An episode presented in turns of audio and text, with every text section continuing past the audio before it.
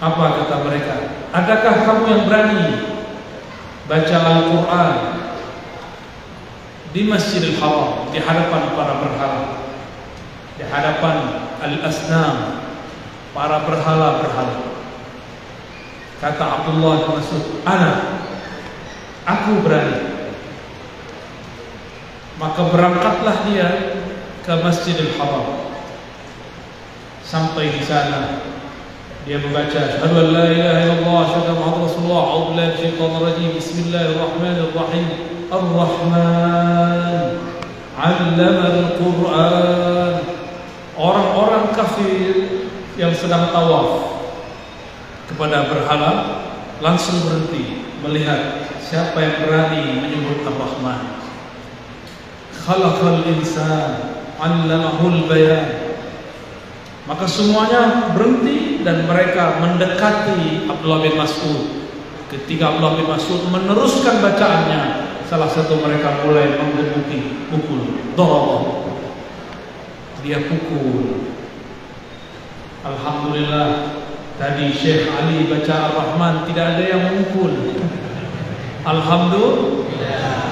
Coba kalau hidup di zaman Rasulullah, saya yakin kita tidak kuat. Tidak kuat. Tapi di akhir zaman ada ujian yang lebih berat. Bertemu orang yang banyak dustanya. Al-Kazzab, Sayyidul Kazzabin, Dajjal itu musuh lebih berat.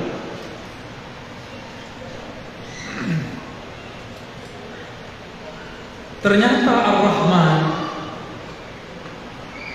nama ini sudah dikenal oleh orang Arab. Orang Arab Makkah musyrik. Mereka tidak sembah Allah langsung, mereka menyembah Allah melalui berhala-berhala. Dan mereka kolektor, tahu kolektor? Pengumpul jami' jami'ul asnam. Kolektor berhala.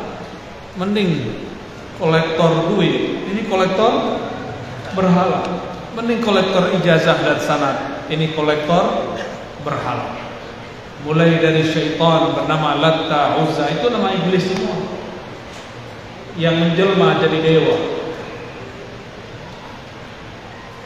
ternyata ketika orang-orang musyrik Mekah berangkat beli barang di Yaman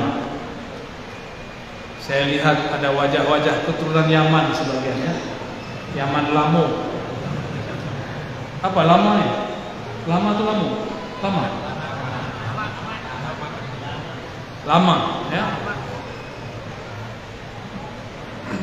sampai di sana sudah ada tempat-tempat ibadah orang Yaman. Orang Yaman ternyata terbagi dua. Satu penyembah Isa, satu menyembah Rabb Isa. Dan mereka menyebut Allah dengan Rahman atau Rahmanan. Jadi orang-orang Yaman menyebut Allah Rah Rahman. Usut punya usut. Mereka belajar agama ini dari misionaris dari Ethiopia, Raja Habasyah, seorang Nasrani yang menyembah Allah, mencintai Isa. Ketika disebut Ar-Rahman, maka orang-orang Arab Yaman senang. Berarti ini nama Tuhannya. Tapi orang-orang kafir Quraisy, musyrik Quraisy tidak senang. Ya, maka dalam hadis dikatakan, "Ma sami'at Quraisy" Tidaklah pernah Quraisy sami'at mendengarkan surah Ar-Rahman sampai Abdullah bin Mas'ud membacakannya di di Al-Masjidil Haram. Selesai kisah Abdullah bin Mas'ud, tiba-tiba Rasulullah berkalam. Apa kata beliau? Sesungguhnya aku melihat kaum jin lebih cepat responnya, jawabannya ketika mendengarkan surat Ar-Rahman daripada kalian. Ra'aitul jin, ra'aitul jan asra'u jawaban minkum.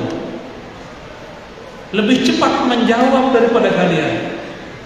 Kalian ketika Allah bertanya fabi ayyi ala rabbikuma tukadziban? Diam-diam aja kan?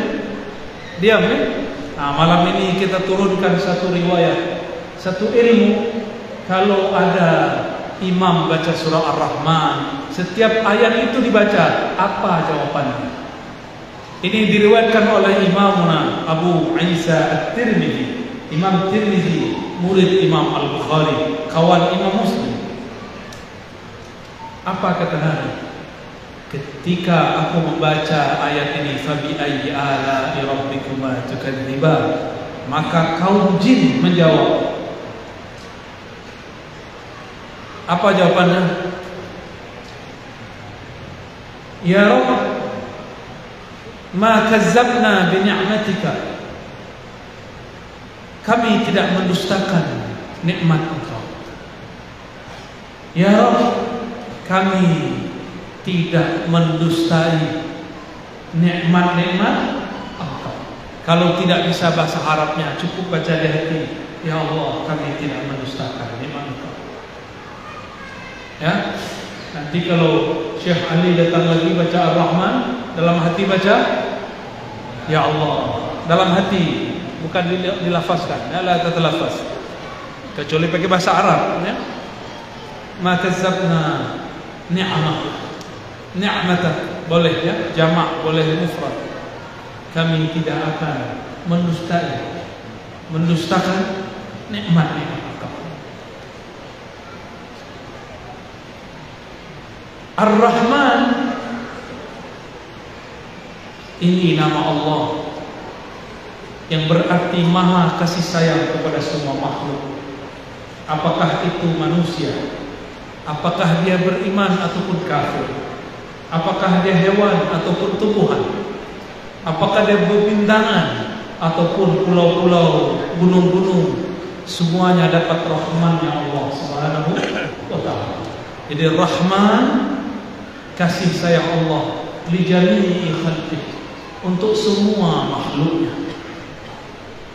Maka siapa saja yang menyayangi semua makhluk dialah Abdul Rahman.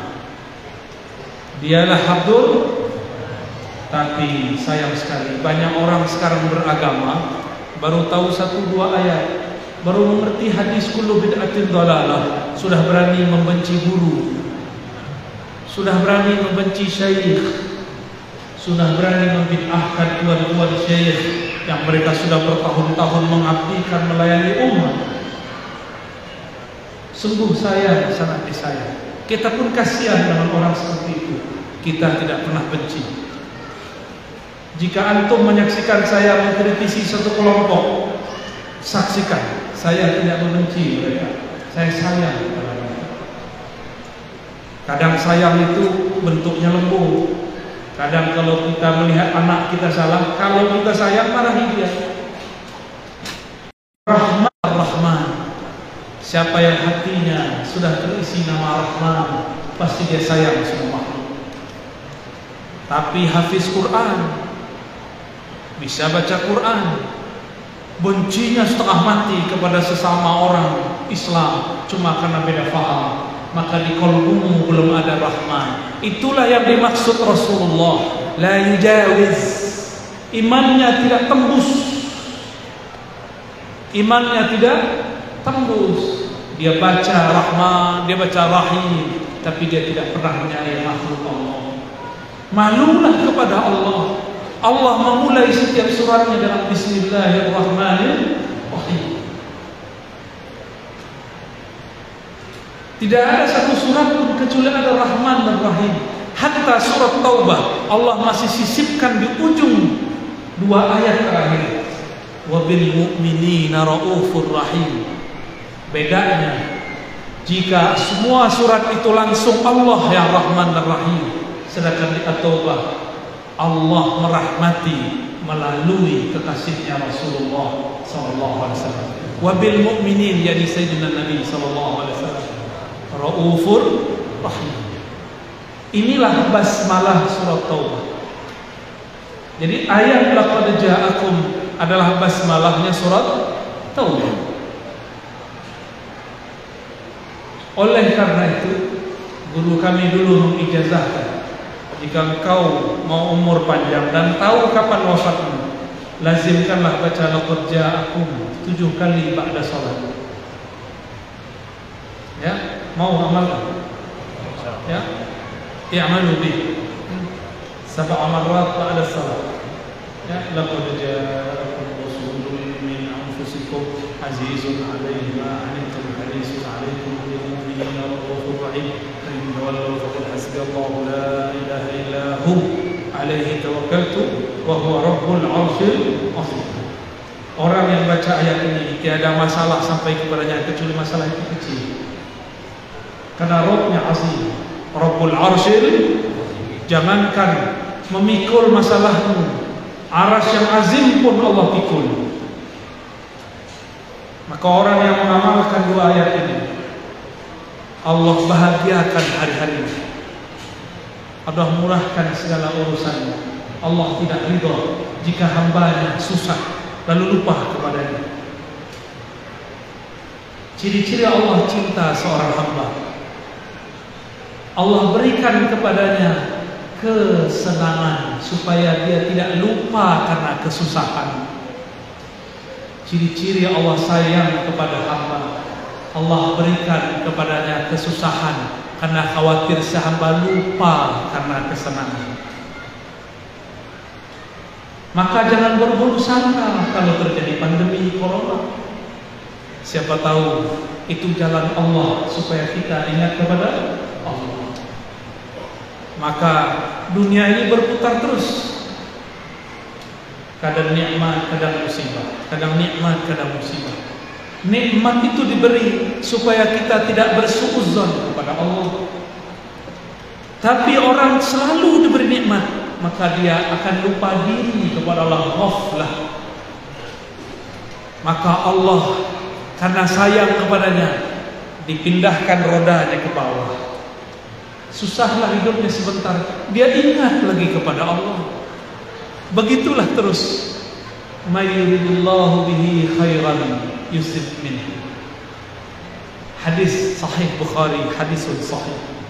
Siapa yang Allah kehendaki kebaikan baginya. Khairan itu lebih dari sekedar baik. Khairan yakni akhir, ahsan. Khairan itu yang lebih baik dari yang terbaik. Khairan itu sesuatu yang Allah pilihkan, bukan si hamba yang memilih. Allah lah yang memilihkan. Siapa yang Allah kehendaki kebaikan yang lebih baik baginya, maka dia uji Yusuf minhu maka dia sapa. Dan musibah ada dua. Ada bisyar, ada bil khair. Ha? Kif mada yaqulu Rabbuna? Wa nabluukum bisyarri wal khair. Masya Allah. Kami uji kamu. Balak, balak bahasa Arab artinya uji. Diombang-ambing, diaduk-aduk. Perasaannya diaduk-aduk. Lawannya bukan musuh yang di luar sana, lawannya dirinya sendiri. Tersinggungkah dengan kawannya?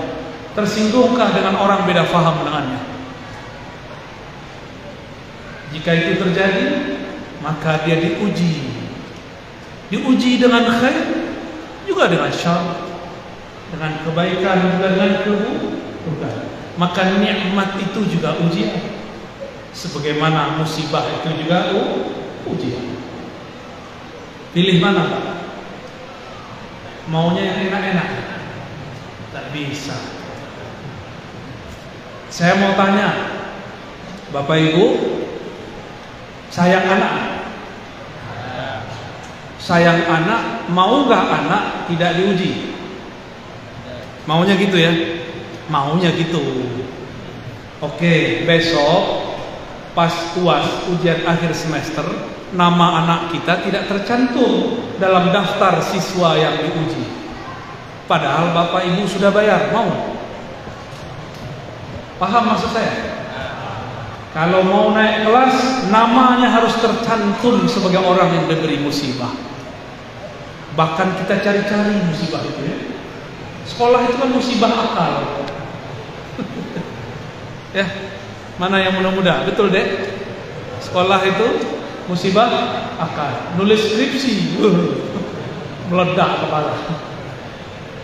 Alhamdulillah, saya diizinkan Allah nulis tesis untuk magister, nulis disertasi untuk S3. Hampir-hampir meledak juga. Justru saya daftar Pak minta diuji. Waktu kami S3 zaman-zaman kami dulu S2 ujian satu buku itu tujuh kali. Waktu S3 sudah dikurangi jadi lima kali. Kalau nama tidak muncul di daftar ujian, kita datang marah-marahi petugas. Eh nama saya kok nggak masuk? Kenapa manusia menuntut diuji untuk masalah akalnya? Karena dia tahu ujungnya dapat gelar doktor, LC, MA, sarjana alam gaib, SAG, SH, sarjana haul. Apa lagi? SM, sarjana mengaji yasin. Apa lagi? Ada sarjana lain? Sarjana SM, sarjana roti. Sarjana manakib, wah lengkap sudah. Ini kampung ini kota kota Sambas, benar? Apa arti Sambas? Tidak tahu. Saya juga nggak tahu.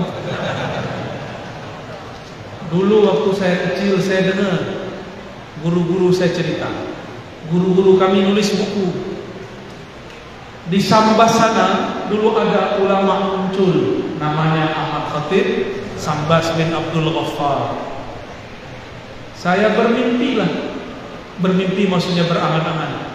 Coba kalau nanti sudah dewasa, saya berkunjung ke kampung Sambas. Itu dulu umur 13 tahun. Sekarang umur saya 35 tahun. Mau 36. Alhamdulillah Allah wujudkan. Alhamdulillah tadi siang kita ziarah kepada ayahanda Syekh Ahmad Khatib Sambas, Syekh Abdul Ghaffar. Qaddasallahu sirrah. Kami di Pulau Jawa, di Pulau Sumatera itu punya tarekat namanya Qadiriyah wal Naqsyabandiyah. Itu asalnya yang bawa orang sini. Syekh Ahmad Khatib Sambas. Masih ada orang Sambas beramal begitu? Benar. Kok wajahnya kurang bercahaya? Insya Allah masih bercahaya. Kadang-kadang ulama itu seperti mercusuar kata orang. Terang di jauh sana, tapi di bawahnya tidak terang.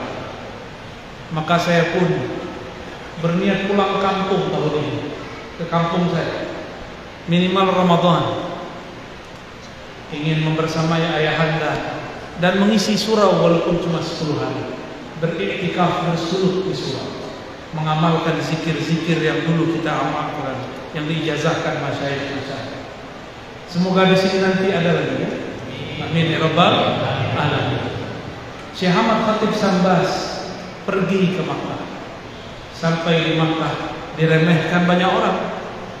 Maklum muka-muka Melayu. Hidung mancung ke belakang.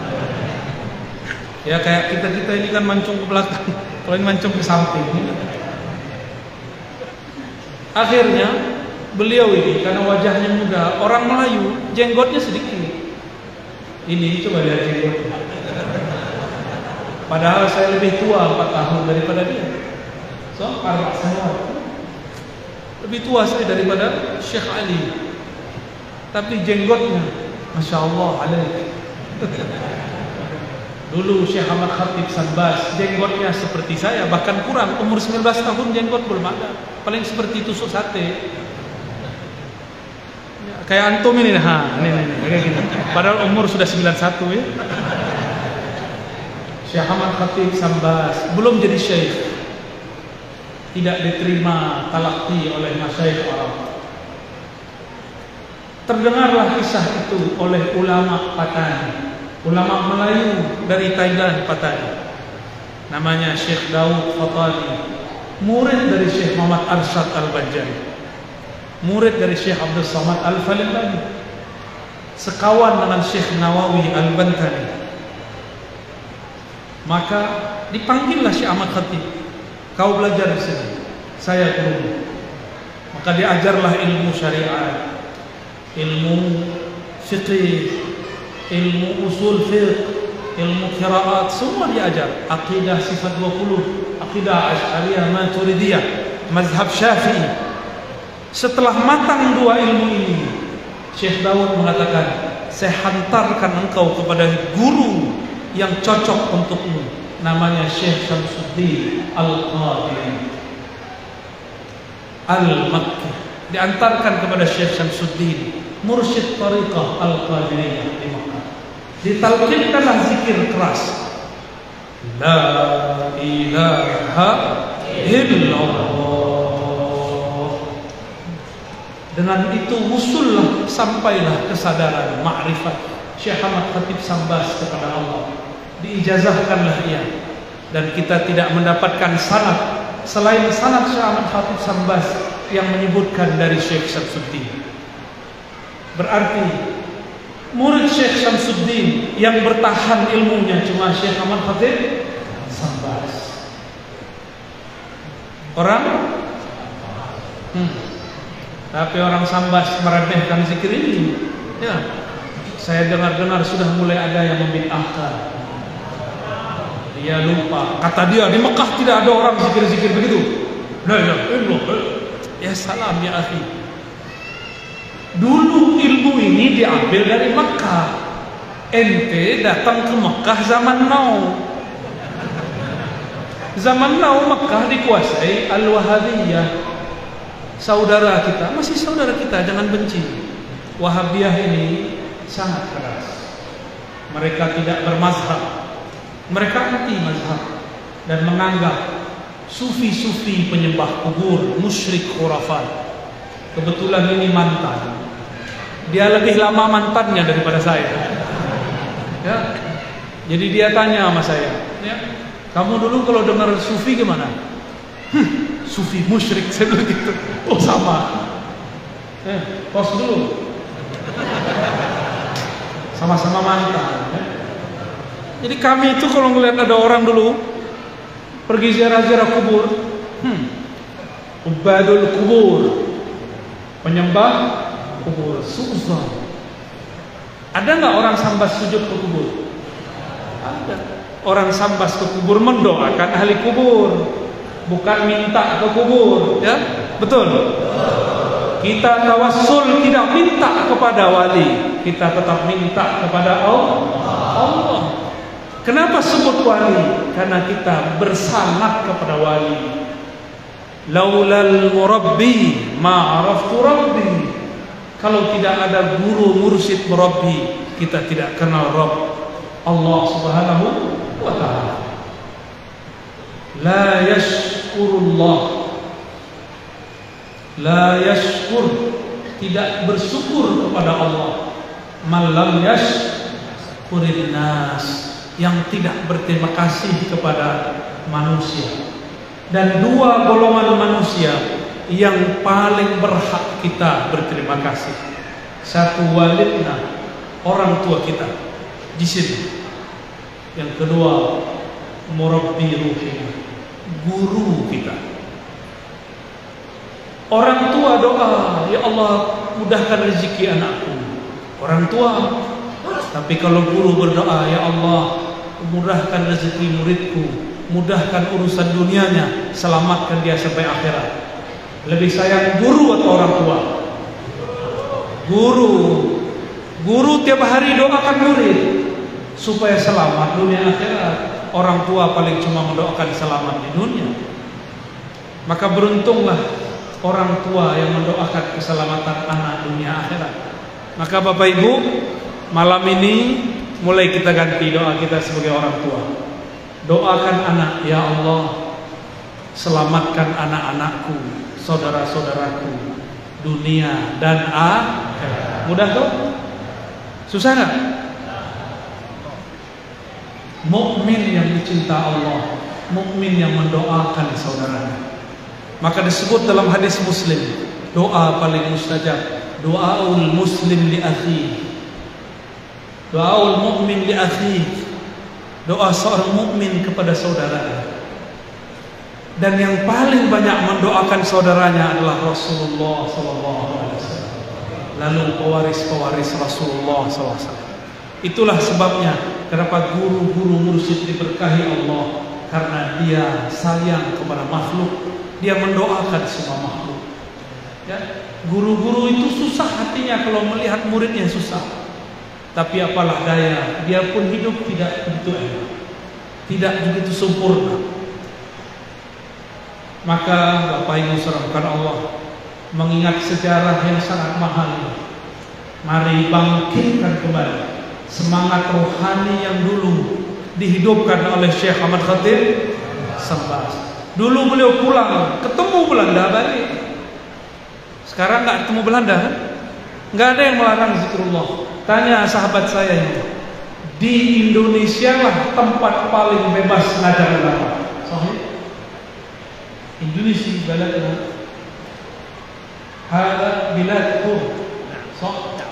Nah, lidawah wa Di Mesir di Mesir buat majelis begini datang askar.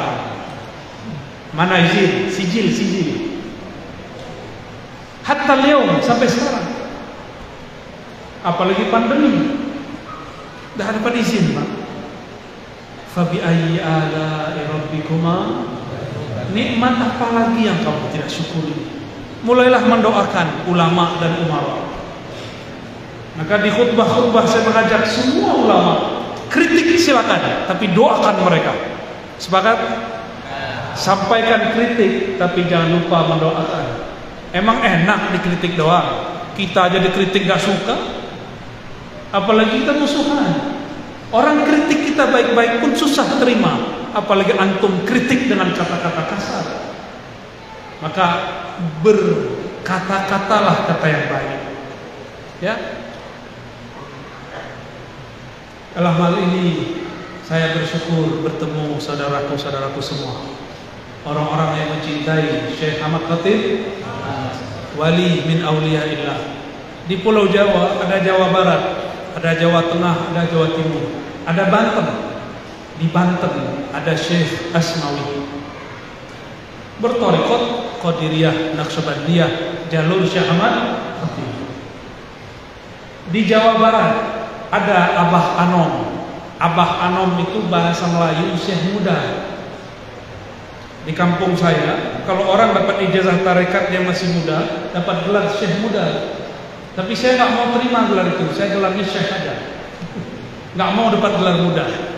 Sok-sok tua. Ya. Dan alhamdulillah guru saya tidak bilang kamu tidak syekh muda, kamu syekh. Dulu waktu masih umur 27 tahun diijazahkan Thariqah Naqsyabandiyah oleh guru.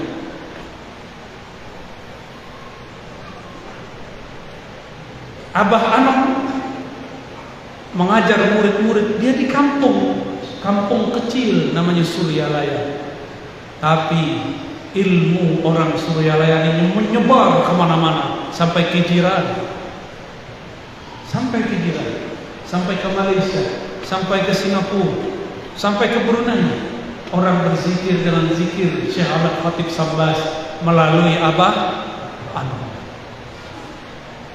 di Jawa Tengah banyak lagi. Saya dapat juga ijazah dari Syekh. Masih masih hidup ya. Kiai Haji Ahmad Halwan beliau dari jalur kakeknya Zarkashi bersambung nanti kepada Syekh Ahmad Khatib Al Asambasi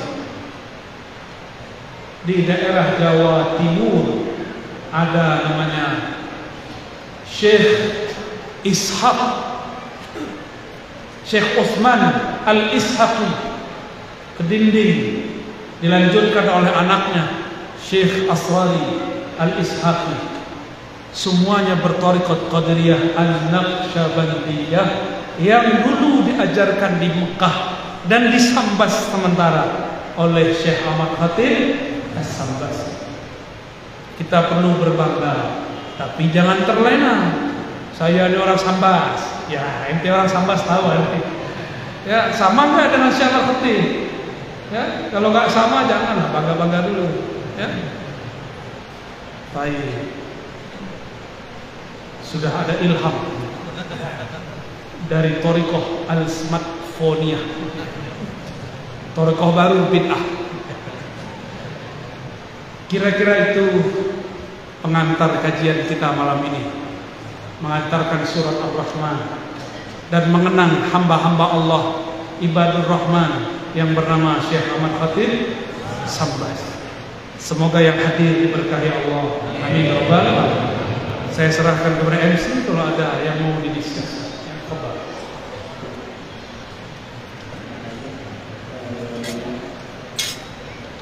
Kalau jamaah Allahumma salli ala sayyidina Muhammad Allahumma salli ala sayyidina Muhammad Allahumma salli ala sayyidina Muhammad Hadirin jamaah Jadi terima kasih dulu ya atas acaranya mudah-mudahan bisa bermanfaat bagi kita para sahabat kita mudah-mudahan menjadi ilmu yang bisa diambil manfaat kemudian bisa disampaikan kepada saudara khusus di kota Sampang Cilacap kita baik untuk acaranya kita buka sesi tanya jawab jadi untuk sesi tanya jawab ini untuk sesi pertama mohon izin uh, kita bagi menjadi dua sesi insya Allah untuk sesi pertama kami persilakan untuk dua orang penanya baik jamaah laki-laki maupun jamaah perempuan. Silakan. Mohon izin panitia.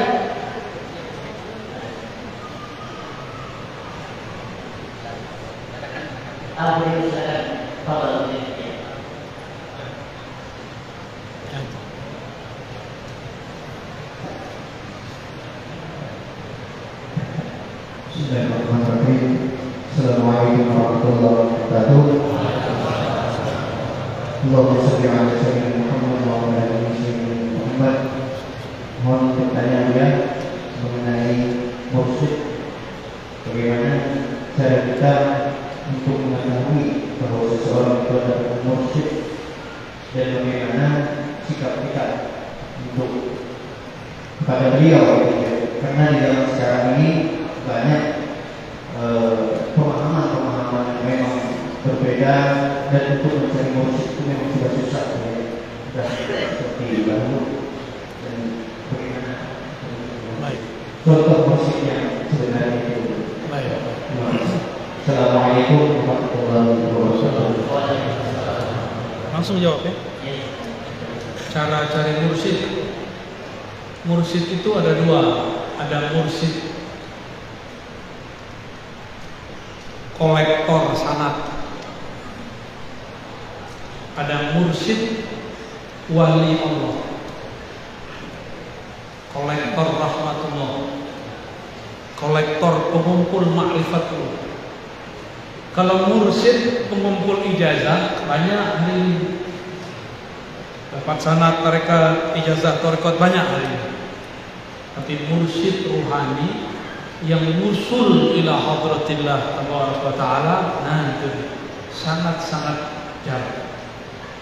Maka bagaimana cara menemukan mursyid? Pertama istimoroh, kedua musyawarah, ketiga isyarah. Min sa'adatil mar'i hmm? ay ila Allah fi amri. Rawahu Ahmad wa rawahu Tirmizi bilafzi. Ciri-ciri orang sukses, bahagia, selamat, beruntung dia mulai berguru bekerja apa pun itu dengan istikharah jangan istri dulu baru farah istri jadi jangan cuma mau menikah istikharah. Berguru pun istikharah. Istri teman tidur, teman makan, teman hidup. Tapi enggak teman mati. Dia mati kita masih hidup atau kita mati. Dia hidup. Satu hidup, satu mati. Katanya sehidup. Tapi kalau guru kita bawa ilmunya sampai ke alam barzakh kita bawa sampai kepada mahsyar ke mizan sampai sang kesirah jadi pertama apa? Istighfar sudah musyawarah minta nasihat kepada ulama. Ulama yang mengerti tasawuf. Jangan seperti di YouTube itu nanya tasawuf sufi kepada pembenci sufi hmm? apa kata dia sufi zindir Ya salah. Jadi kalau bertanya kepada ahlinya, antum sakit, sakit jantung, datang ke dokter mana? Ke dokter umum. Bahlul ya. Sakit paru, datang ke dokter jantung. Lebih bahlul lagi. Kenapa orang-orang dalam beragama tidak sepintar ketika dia sakit badannya? Jika sakit rohani kolbu, datang ke ahli kolbu. Tanya kepada ulama yang mengerti kolbu.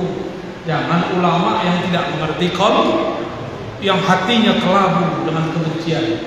Kelabu dengan dosa, Allah ampuni. Tapi kelabu dengan kebencian, Allah tidak ampuni. Semua kita ada kelabu syahwat. Di kolbu ini ada belenggu-belenggu syahwat. Allah ampuni. Kita naik turun iman kita karena syahwat. Allah ampuni. Tapi kalau di dalam kalbu antum ada kebencian, suuzon, Allah sulit mengampuni. Ya. Dan yang ketiga isyarah. Bertanya seorang sahabat kepada Rasulullah SAW. Man awliyaullah? Faqala sallallahu alaihi wasallam. Man idza dzukirallah Siapakah wali Allah itu wahai Rasulullah? Lalu Nabi menjawab, orang yang jika engkau pandang mereka, yang jika mereka dilihat, diingat, dikenang, disimak kajian-kajiannya, kalam-kalamnya, petuah-petuahnya. Zukirullah, mereka itu, hum mereka itu membuat kita ingat kepada Allah. Kalau sudah bertemu yang begitu, pastikan dia mursyidnya itu. Itu mursyidnya kita. Jadi mursyid bukan yang berserban. Ya. Itu mah gampang pak. Ini wajah-wajah preman itu mancung dikit, brewok, kasih serban. Syekh. Apa itu yang syekh? Ya? Ini nih wajahnya cocok ini. Wajahnya cocok datuknya. Ini datuk ini di, Sumatera Barat dia datuk. Sampai di sini duduk di bawah. Ya. Udah brewok, hidung mancung, ya. kasih serban, jadi Habib. Huh? Habib Wahabi. Marga itu apa? Marga Satwa. Marga Satwa. Baik. Bukan itu yang kita cari. Kalau antum mengatakan guru mursyid itu orang-orang yang berserban di Yaman nyabit lumpur pakai serban. Kita hormat kepada serban. Saya dapat sangat serban dari guru saya. Bersambung kepada serban Rasulullah. Tapi bukan itulah tanda seorang mursyid. Nanti ada masanya saya berserban. Tenang aja ya. Sekarang masih senang dengan kopiah. Ini kopiah apa namanya? Biasa kopiah hitam ya. Karena saya masih merasa kolbu saya hitam. Belum pantas pakai serban yang putih. Maka saya nggak berani pakai serban. Serius. Hati saya, saya tahu hati. Allah Maha tahu isi hati saya. Maka saya belum merasa pantas menggunakan imamatul Rasul Sallallahu Alaihi belum belum pantas. Insya Allah nanti fiyaumin ma ya di suatu saat jika Allah sudah takdirkan guru saya memerintah saya pakai serban ya. Nggak main serban pakai nafsu. Nanti malu-maluin serban ya, perban aja otaknya ya. baik. Sudah terjawab? Pertama apa? Istikharah kedua Musyawarah ketiga isyarah. Berarti menggunakan sir. Wallahu a'lam bishawab.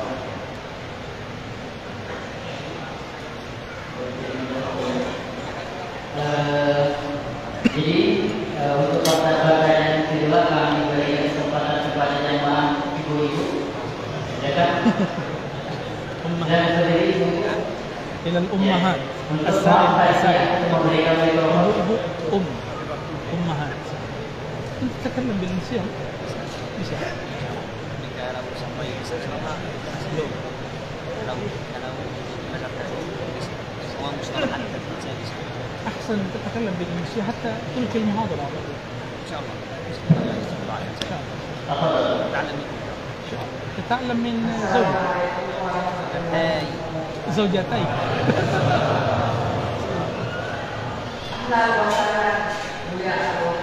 أهلا بكم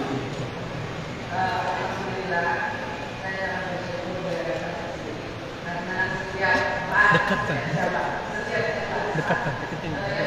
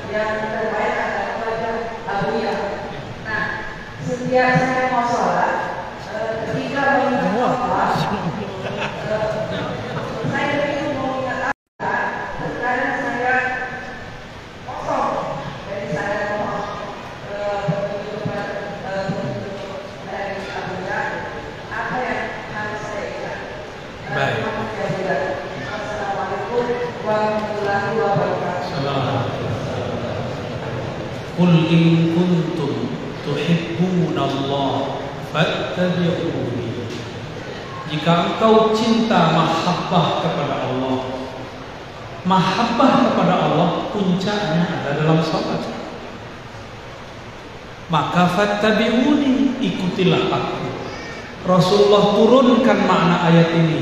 Sallu kama ra'aitumuni usolli rawahul Bukhari Kalau engkau sholat, sholatlah seperti engkau melihat aku.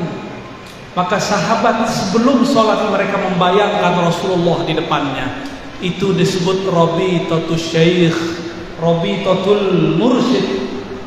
Al-Mursyid Al-Haqiqi Sayyidina Nabi Sallallahu Alaihi Wasallam Cuma karena kita belum bertemu beliau Maka kita diizinkan bersanat Berijazah Berguru kepada orang yang Punya silsilah sanat kepada Rasulullah Sallallahu Seperti Syekh Ali ini baca Quran Karena tidak temu Rasul. Dari mana beliau ini tahu Al-Quran yang dia baca Sama dengan Al-Qurannya Nabi?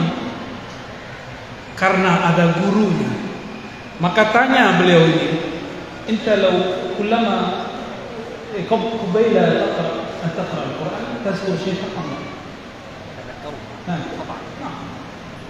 Itu musyrik. Zindiq. Allah sholli ala Muhammad. Saya tanya sama beliau. Antum kalau membaca Quran terbayang guru nggak? Cara membacanya, cara ngajarnya. dia bilang, iya. Saya langsung bilang, ente musyrik. Dia jawab, ane zindik. Pas deh. ya.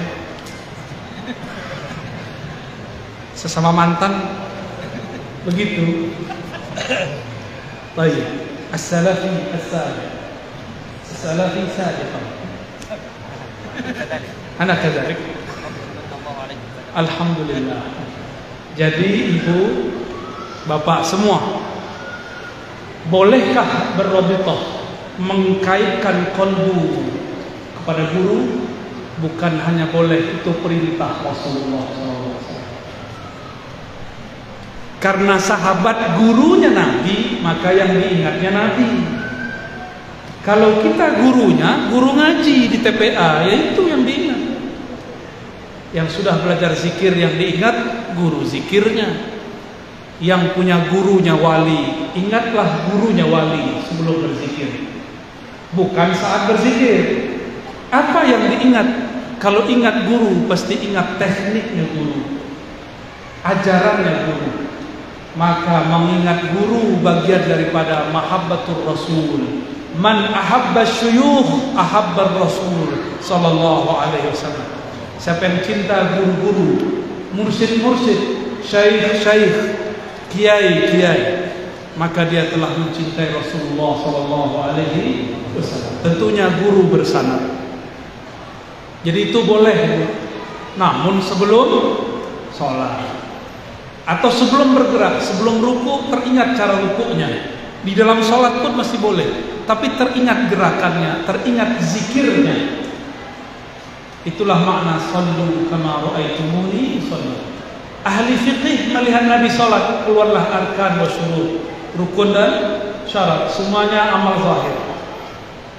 Ahlu at-turuq sufiyah, ahlul ma'arif al-ilahiyah, orang-orang ahli ma'rifat melihat Nabi salat, maka yang terlihat oleh mereka kondisi rohani Nabi saat salat.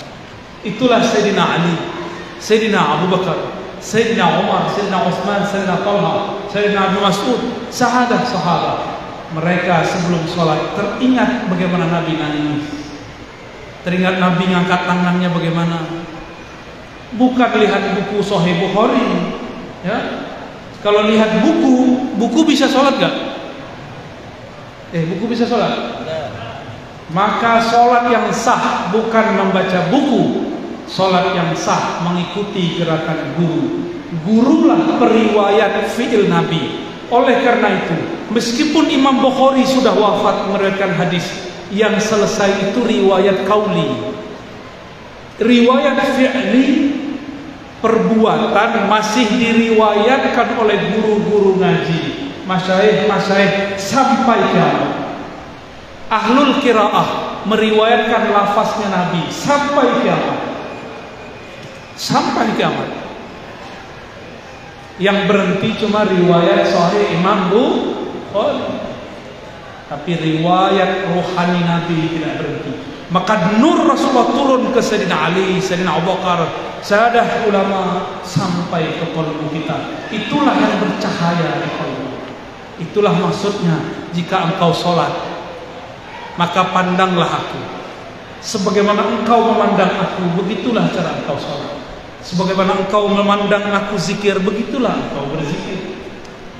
Tapi Nabi sholat. Sahabat beda cara. Sayyidina Abu Bakar kalau takbir suaranya hilang. Allah langsung menangis. Dia tidak sanggup membaca nama Allah satupun. Bismillah. Langsung suaranya nangis. Lain dengan Sayyidina Umar seperti Syekh Ali tadi, ya. Bismillahirrahmanirrahim. Sekarang ada lagi cara baru. Bismillahirrahmanirrahim. Alhamdulillah alamin. Rahmanirrahim. Eh salah. Itu enggak berguru, bergurunya kepada YouTube. Wali YouTube. Orang wali kutub dia wali YouTube. Kalau baca Quran saja mesti berguru, apalagi ingin memahami al Salah satu yang dipahami dari Quran adalah cara sholat. Hmm. Ya, jadi jangan ngikutin suara. Mentang-mentang sudah baca ingin, on. Kawan kita soal fasenya. Qul ya ayyuhal kafirun. Hal batil, kira fasih. Pengen seperti orang Arab, supaya jamaah nanti merasa sholat di belakang sudais. Besok-besok diajak undur. Ya salah. Gitu ya. Wallahu a'lam bis.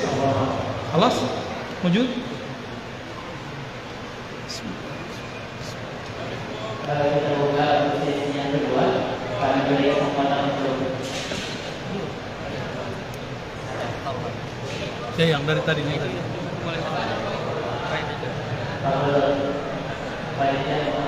Jadi mengingat waktu jadi mohon maaf kepada jemaah sekalian Eh, nanti mudah-mudahan doa bersama Buya Bismillah kembali sambat nanti kita bertemu memanjakan bertanya siapa doakan Allah Ya, tafadhol. dia eh, mohon eh, minta komunikasi dan koordinasikan masyarakat. Saat ini masih ada sebagian besar eh, menganggap bahwa dari kota-kota yang sama ini eh, sesat atau khawatir lah seperti itu ya. Karena ada perangkatan mungkin Pak Kepala untuk memastikan bahwa sebagian masyarakat ketika mau ikut saya karyawan sebenarnya itu takut gila gitu.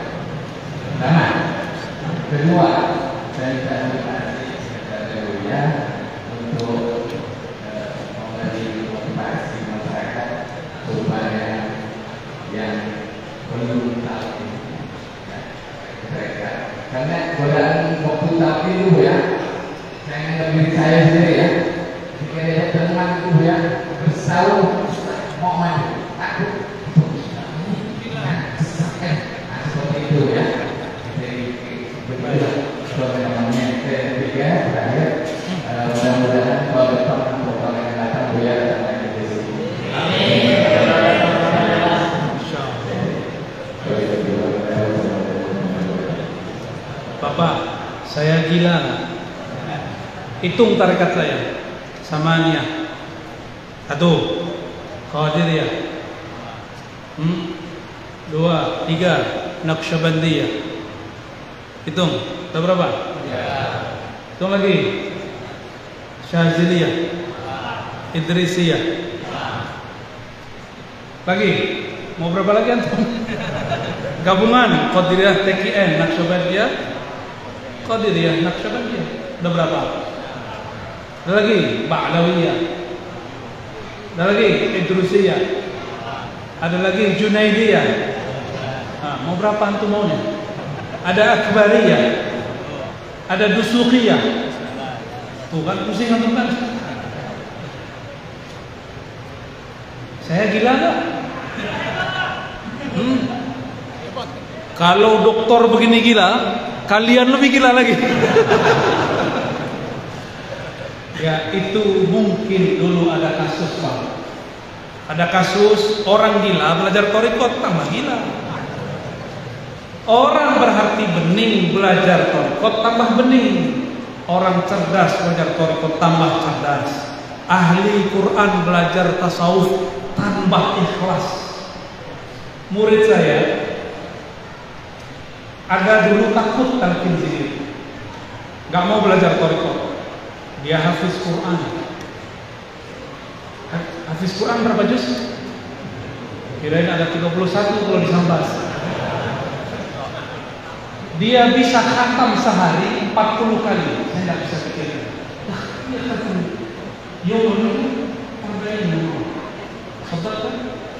Anak usul. Anak usul. Tilmis, saya punya murid. Lalu kita bilang, udah kamu kalau punya murid jangan sampai 40, 10 aja sehari. Ya. Sayyidina Utsman samanya, samanya khataman. 8 khatam sehari. Ini dia coba 40. Gak tahu sehari atau 10 hari sudah. Mungkin masuk ke alam lain dia. Ya tukhul ila alamil malakut atau jabarut. Wallahu a'lam. Sayyidina Jibril satu nafas khatam Quran 70 ribu kali. Sayyidina Jibril, tapi nafasnya nafas Sayyidina Jibril. Bukan nafas kita. Ahlul haqaiq mengerti ini. Ya. Jadi ini bukan bab-bab syariat lagi, sudah bab masuk ke alam rohani. Tapi dia nih kalau mau khataman pusing dulu Oh, mau khataman takut salah. Mau mimpin jadi imam, khawatir salah. Ini ada dua orang yang begini. Takut ditalkin, tapi kemudian hatinya minta ditalkin. Kita talkin zikir. Sejak saat itu, kalau takrir satu juz cukup 3 sampai 5 menit. Takrir selesai. Langsung. Langsung dia maju. Maka orang ahli Quran belajar zikrullah, zikir khafi, maka hafaz hafalannya tambah dhabit, tambah kuat. Ahli fikir belajar zikir, maka pemikirannya tambah tajam dan tenang. Hilanglah kesombongan. Orang kalau cuma belajar pemikiran, tidak belajar ilmu kolbu, bertambah ilmu, bertambah sombong. Mau? Tambah ilmu, tambah sombong mau. Tambah hafalan, tambah sombong mau. Maka harus belajar zikir. Belajar zikir, wadahnya cuma toriko, nggak ada lagi. Nggak ada lagi, cuma belajar toriko sufi nggak ada lagi. Syekh Ahmad Khatib Sambas membawa tiga ini. Akidah halus sunnah, mazhab syafi'i, tasawuf Sebenarnya beliau mengajarkan lima tarikat. Lima tarikat. Cuma disederhanakan jadi dua. Jadi tarikah beliau selain Naqsyabandiyah, Qadiriyah, ada lagi Anfasiyah, ada lagi Junaidiyah, ada lagi As-Samaniyah. Tarikatnya Abah Burus Kumpul. Digabung disederhanakan menjadi An-Naqsyabandiyah dan Qadiriyah atau dibalik. Apakah Syekh Khatib Sambas gila? Hmm? Di Mesir ada Syekh Ali Jum'ah Zakin oh? Walaupun ada muskilah sia-sia Tapi karena Zakiyah Betul-betul cerdasnya bukan main Ada pertanyaan apa saja dijawab dengan hujah yang yang sangat jelas Mursyid Tariqat Jadi mufti di Mesir Ada yang namanya mirip dengan Ahmad Khatib. Ahmad Khatib Al-Minangkabawi. Beliau mursyid tarekat khalwatiyah. Tarekat apa? Gimana? Itu orang hebat semua, nggak ada yang gila. Antum yang gila. Jangan-jangan yang kita lihat itu orang gila belajar tarekat. Tapi ingat ini bocoran rahasia kita. Setan nggak boleh tahu. Setan itu nggak rela orang kenal Allah. Iblis itu tidak ridho orang berzikrullah. Maka dia buatlah was-was dan isu. Dia buat opini. Isya'ah, opini, isu bahwa bertasawuf itu junun, bertasawuf itu gila supaya orang-orang yang separuh-separuh gila takut belajar tasawuf. Jadi yang benar orang gila belajar tasawuf tambah kalau orang waras belajar tasawuf tambah waras. Eh, yang depan saya orang waras bukan? Pengen tambah waras? Pengen khusyuk? Belajar sedikit. Cari gurunya. Ya, kalau masih ada di Sambas temui mereka. Mohon maaf nih para mursyid, para wakil talqin. Aneh kerjain antum ya. Nanti orang banyak datang ke antum semua. Saya pulang ke kampung saya. Itu seorang mursyid datang. Dia marah tapi saya. Apa kata dia? Karena kau nih. Loh, kenapa mursyid? Kenapa syekh? Karena kau nih 15 hari aku belum tidur. Loh, kenapa syekh? Mereka minta talqin semua. Mereka minta talqin semua. Ya saya bilang alhamdulillah. Ya dia alhamdulillah juga. Bahagia juga boleh. Alhamdulillah. Maka saya mengimbau kepada guru-guru mursyid, mulailah menata kembali biar rapi, jangan terlalu keras, jangan juga terlalu lembut, sedang-sedang saja. Jika bisa diringankan, ringankan, karena zaman sudah berubah. Orang sekarang sudah bertorikot baru, torikot smartphone ini, torikot baru. Haram bid'ah pakai tasbih, subhan. Tapi tidak bid'ah pakai Ya. Begitu? Baik, cukup ya? Ada lagi? Kelas ya? Saya mau jalan lagi ke apa namanya? Singkawang. Mohon izin tidak dapat salam-salaman, cukup dengan hati saja. Mohon doa selalu semoga saya istiqomah di jalan ini. Doakan saya, keluarga, teman-teman, kawan-kawan istiqomah ini. Saya doakan juga yang hadir menjadi kekasih-kekasih Allah. Al-Fatihah. Iya.